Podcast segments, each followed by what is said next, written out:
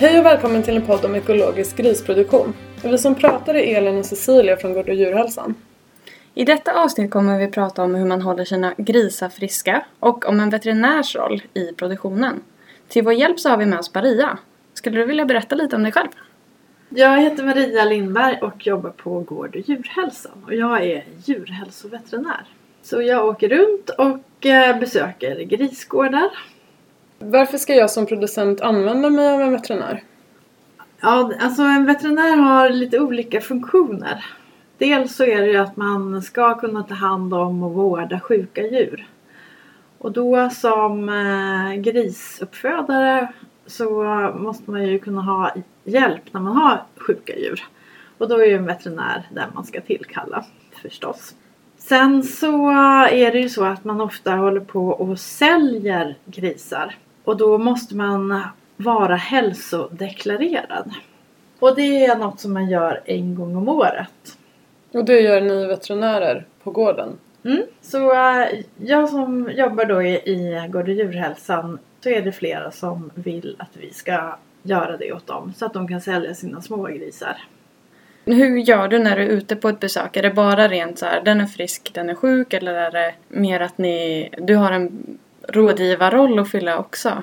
Jag tror att det kan vara, man kan ha en veterinär till ganska många olika saker och vi är ju specialiserade just på lantbrukets djur och jag kan mycket om grisar. Och det gör ju att vi blir duktiga på ungefär vad de ska äta för någonting och vad de behöver ha för klimat. Ja, överhuvudtaget hagar eller stallar, hur de ska se ut och med luft och så. Och just på de här hälsobesöken som vi gör då årligen så är ju, går man runt och tittar på grisarna, verkar de må bra? Har de några bekymmer? Blir några sjuka ibland? Kan det vara så att man behöver vaccinera kanske mot någon infektion som, som kan vara ett bekymmer och sådär. Så då har man lite allmänna diskussioner. Och då är det ju bra i och med att jag är ute på så många olika grisbesök så kan man ju få liksom hjälp och lite ögon utifrån. Hur går ett veterinärbesök till? Ja, man behöver ha en bil som veterinär. Det är jättebra. Och den bilen har jag laddat med en massa saker. Utifall att om man ska ta prover eller olika saker. Jag sätter mig i bilen, åker iväg. Så eh, blir jag mottagen. Och det första och det, det är ju att jag måste ju göra så att jag inte för smittor mellan olika gårdar. Då vill jag gärna att jag får rena kläder och ett par stövlar och kliva ut på gården så att inte jag går runt med mina stövlar och mina kläder och är först i en besättning och sen åker till nästa besättning. Så det är väl det första, besökskläder och stövlar. Ofta så sätter man sig ner och, och pratar lite grann vad det är som har hänt under året eller sen sist. Och sen så går vi runt och tittar på djuren och kommenterar olika saker. Och hur ofta har man ett veterinärbesök? Alltså antingen då så är det ju att jag åker ut för att grisar är sjuka och i mitt fall som djurhälsoveterinär så är det ganska ovanligt för att det är mer om det är väldigt många grisar är sjuka. I så fall att det händer något eh, i, nästan i hela besättningen. Och det är ganska ovanligt. Annars så är det väl att jag åker ut var femte, var åttonde vecka på de här eh, besöken där eh, man har villkorad läkemedelsanvändning. Det är ett väldigt krångligt ord. Men det betyder i korthet att eh, den personalen och på den gården så har man gått en utbildning hur man ska kunna använda läkemedel och vilka och så har man en, en instruktion eller en manual hur man ska göra. När en gris har ont i benet och haltar så, så kan man då få behandla, inleda behandlingen själv. Men så som man har bestämt med veterinären. Och då är man ute var femte, var åttonde vecka. Annars är det kanske en gång om året. Du började med att berätta att när du kommer på ett gårdsbesök så ser du till att du har rena kläder och skor. Mm. Och det är för att du inte skulle sprida smittan. Vad kan man själv tänka på som producent för att få så lite smittorisk som möjligt? När man tar emot besökare och så eller överhuvudtaget menar du? Ja, besökare och sen överhuvudtaget. Ja, det är väl just de här smittorna utifrån som man ska tänka på först och främst. Man har ju alltid en... Eh, de här grisarna som man har som är född av, av en suggor och som växer upp i den miljön. Där finns det ju en viss mängd bakterier och virus som de själva är liksom vana med. Och allt det som man tar in utifrån är de ju ovana med och inte har något skydd mot. Och då är det ju viktigt att man inte får in nya sådana infektioner för då inträffar ju det att då, då måste de kanske bli sjuka i det och växer inte på grund av att de blir sjuka under en period. Och då gäller det ju att se till att man har ett bra smittskydd utifrån. Och då är det ju besökare till exempel. Att, och att jag som veterinär tänker på det och att de skyddar sig också då mot att ge mig bra kläder helt enkelt. Så inte jag bär med mig någonting. Men sen finns det ju andra typer av besök och kontakt utifrån. Det är ju när man köper små grisar och att de sätts in i en avdelning som är eh, skild ifrån den övriga besättningen. Man har dem som i karantän under en period så att man ser att inte de blir sjuka och blir de sjuka så blir de det själva först och sen så kan man blanda ihop dem. En annan del är ju eh, utlastningen. Eh, man vill ju, alltså det ingår ju alltihopa det här att man ska sälja till slakt någonstans och sälja iväg smågrisar. Och då gäller det att de här lastbilarna och de människorna som lastar man jobbar på ett sådant sätt så att man inte får in smittor från lastbilen in till sin egen besättning. Så det, det är väl de eh, delarna som man först och främst tänker på skulle jag säga. Kan det finnas skillnader med smittorisk om man är krav eller om man har vanlig produktion eller konventionell produktion inomhus? Eller ekologisk? Nej, egentligen inte skulle jag vilja säga. Utan det är ju samma sorts grisar. Den enda skillnaden är ju att om man har utomhusgrisar så är ju inte de instängda i ett hus. Och det gör ju att eh, andra människor och djur kommer ju kanske i kontakt med dem lättare. Då om man har utomhus eller att de går på en rastgård då bör man ju ha tydliga skyltar så att mm, folk inte går in till dem eller inte ger grisarna matavfall. Och sen så finns det ju vilda djur som, eh, som gärna besöker som vildsvin till exempel. Och det är ju lite svårare kanske att göra någonting åt mer än att man har bra staket. Och sen också se till att eh, vildsvin hålls borta genom att de skjuts av eller så av jägare. Har du någonsin ångrat dig att du riktade in dig på just grisproduktion? Nej, det kan jag inte känna. Jag tycker att grisar är roliga. De är jättekul. Och uh, speciellt kul är det ju faktiskt när de får vara ute i sina rätta miljöer. När de går ut i en hage och lever, lever med det här trynet i jorden. De och bara känner en massa spännande saker. Det är kul att se hur de jobbar runt faktiskt. Och ja, grisar är kul. Du som är besättningsveterinär både på konventionella gårdar och på ekologiska gårdar. Kan, finns det sjukdomar som är vanligare hos ekogrisar än hos vanliga grisar? Ja, ekogrisar betyder ju att de har större ytor att röra sig på att de kan springa runt mer. Eh, de EU-ekologiska har ju eh, den här eh, inomhusmiljön då, djupströboxar och där kan de härja runt året runt. Och de som är kravgrisar de kan ju gå ut på bete då under betesäsong och de kan ju röra sig ännu mer och springa runt i små grupper, i små gäng. När de springer blir de ju väldigt, det är ju som små atleter som springer runt. Då går det åt mycket energi och eh, selen och E-vitamin och, och sådana ja, vitaminer, mineraler. Det kan ju vara eh, att de behöver mer i fodret på grund av det. De eh, springande grisarna, de frestar ju också på mer leder förstås för att de rör sig så mycket och de, de halkar och snubblar och vrickar sig och, och så. Så då kan man få mer hälter helt enkelt på på utomhusgrisar. En missuppfattning som jag stött på är att man inte får, tror att man får behandla ekologiska grisar med läkemedel. Stämmer det? Nej, det är helt fel. För att det är ju så, har man djur, vilka djur det än är, så är alla djur lika värda. Och alla djur som är sjuka ska man ta hand om. Och det är ju även ekologiska självklart. Den enda och stora skillnaden är ju att om man behandlar med läkemedel så blir det en dubbel karenstid för slakt. Det vill säga att om du, när du avslutar en behandling så får du vänta dubbelt så lång tid innan det är dags att slakta den. Och varför finns det karenstid? Eller vad är karenstid? Ja, alltså karenstid för slakt det är den tiden som man har kontrollerat att det inte finns några läkemedelsrester kvar i kroppen. Med råge också så att man verkligen är helt säker på att det inte ska finnas något kvar i kroppen när, när det blir ett livsmedel. Får man eh, vaccinera grisar inom ekokravgrisproduktion? Ja, det får man. Alltså från början så var det faktiskt så inom krav att eh, man var lite negativt inställd till att vaccinera. Man tyckte inte att det var bra. Men eh, jag skulle vilja säga som veterinär så är det ju extra viktigt faktiskt att man tänker på det förebyggande eh, arbetet. Alltså att hålla djuren friska. Det är det absolut viktigaste för alla djur och ännu viktigare är det ju det för, för ekologiska djur. Också att man förväntar sig att ekologiska djur, kravdjur, att de har det bra. Liksom extra bra.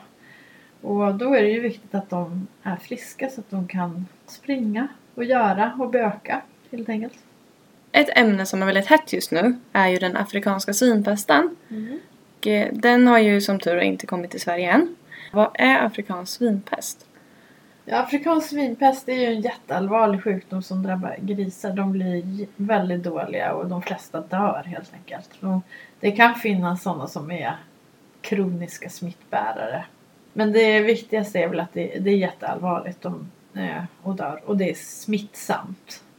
Men finns någon extra stor risk med afrikansk svinpest när man har grisar utomhus? Ja, på det viset att man har ju inte det här skyddet med väggar på samma sätt. Man har ju inte riktigt kontroll på de kontakter som, som grisarna har. Man funderar ju på hur, hur är hur skulle det kunna drabba Sverige? Hur skulle vi kunna få in afrikansk svinpest i Sverige?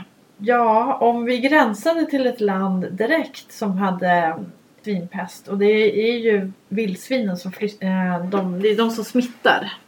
Smittar mellan varann, mellan länder och in till också eh, grisbesättningar. Men vi har ju vatten emellan risken att det skulle komma en gris simmande ifrån andra sidan eh, Östersjön, den är ju inte så stor. Men där är, däremot är det ju ganska många tror jag som åker och jagar och kanske tar med sig jakttroféer. Eller har med sig en härlig vildsvinstek eller något som man röker och saltar och så kan det tas via matavfall komma till grisarna eller kanske vildsvinen faktiskt. Som, vi har ju många vildsvin i våra skogar.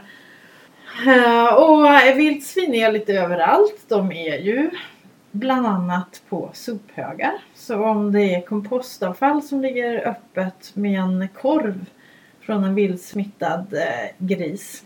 Då kan ju den eh, vildsvinsgrisen i Sverige då bli sjuk faktiskt.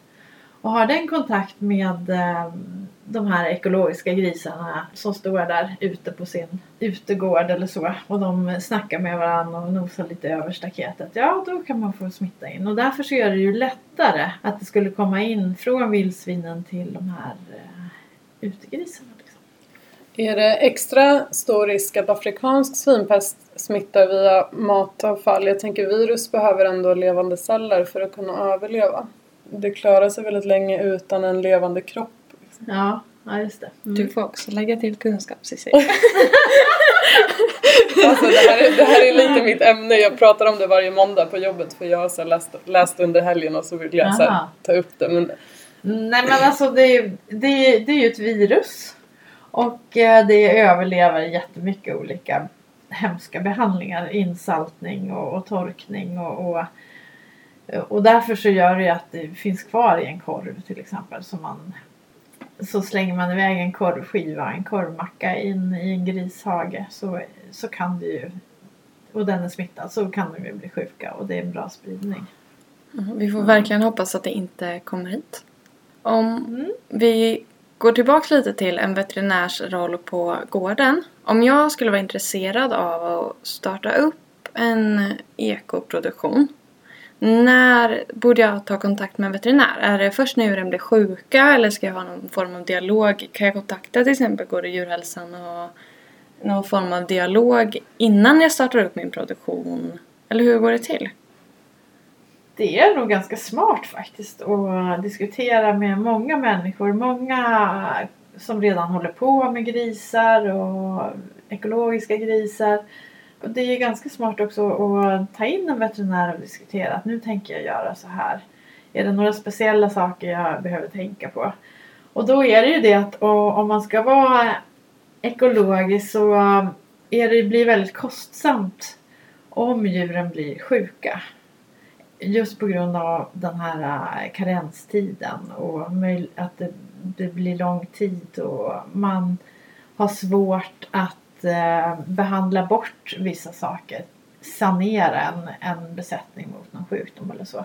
Och då är det bra att tänka att man gör det innan man blir eh, ekologisk. Till exempel att skabbsanera som man gärna vill att eh, grisarna ska vara utan skabb. Och att man då ser till att de är skabbfria redan innan. Liksom. Och sen också att man tänker på, precis som alla andra mm, grisbesättningar, att man har dem i bra boxar, i en bra miljö, att man har bra foder så att de håller sig friska. Så det finns många saker som man kan, ehm, ja som man slipper göra misstag helt enkelt. Är det någonting mer du tycker man ska tänka på innan man köper sina första grisar? Ja, det, man ska ju tänka på att, all, att det står liksom rätt till. Att man har anmält det i sådana här djurregister. Att Jordbruksverket får reda på det de ska ha reda på. Så, så att leta på Jordbruksverkets sidor. Det är bra. Kanske prata med en länsveterinär eller en rådgivare för att, så att man inte missar något och, och som man absolut måste göra. Så det, sådana prylar borde man ta reda på. En gris räknas alltid som ett livsmedelsproducerande djur och det gör att eh, då måste man faktiskt skaffa ett SC-nummer, alltså ett produktionsplatsnummer från Jordbruksverket och anmäla att man har en gris. Även om man bara ska ha en gris eller 25 000 grisar eller hur man nu tänker. Så ett produktionsplatsnummer ska man ha. Om man är in intresserad av att eh, lära sig mer och hitta mer kunskap, har du några förslag på vart man skulle kunna vända sig då? Det går, ja, det går ju jättebra att höra av sig till oss, vem som helst i Gård och djurhälsan. Och vi finns så att det täcker hela Sverige. Och även om man eh, ringer till mig och man har sin gård i södra Sverige eller i, längst upp i norr så går det alltid bra att, att diskutera saker över telefon. Och sen kan man ju skicka vidare till kollegor som bor mer nära och kan komma på besök och, och så. Sen eh, så är det mycket som man eh, behöver lära sig. För det är inte så många som håller på med det här. Och det blir lite speciella lösningar för att hitta bra boxar. Att om man har dem ute i hagar och hur man gör och med ekologiskt foder och eh, hur man ska kunna odla det och, och, ge grisarna mat på något bra sätt och sådär. Så att då, och då är det ju mycket erfarenheter som man behöver dela med sig som äldre och den, någon som har hållit på ett tag. Och då har vi en serie träffar där man kan få anmäla sig och vara med på en gårdsträff och man träffar sina blivande kollegor eller, eller om man har hållit på ett tag och diskutera olika ämnen och fundera på hur de har löst det på den här gården och så. Varför tycker du att det är viktigt att man är en medveten konsument när man handlar i affären? Mm, det är en bra fråga.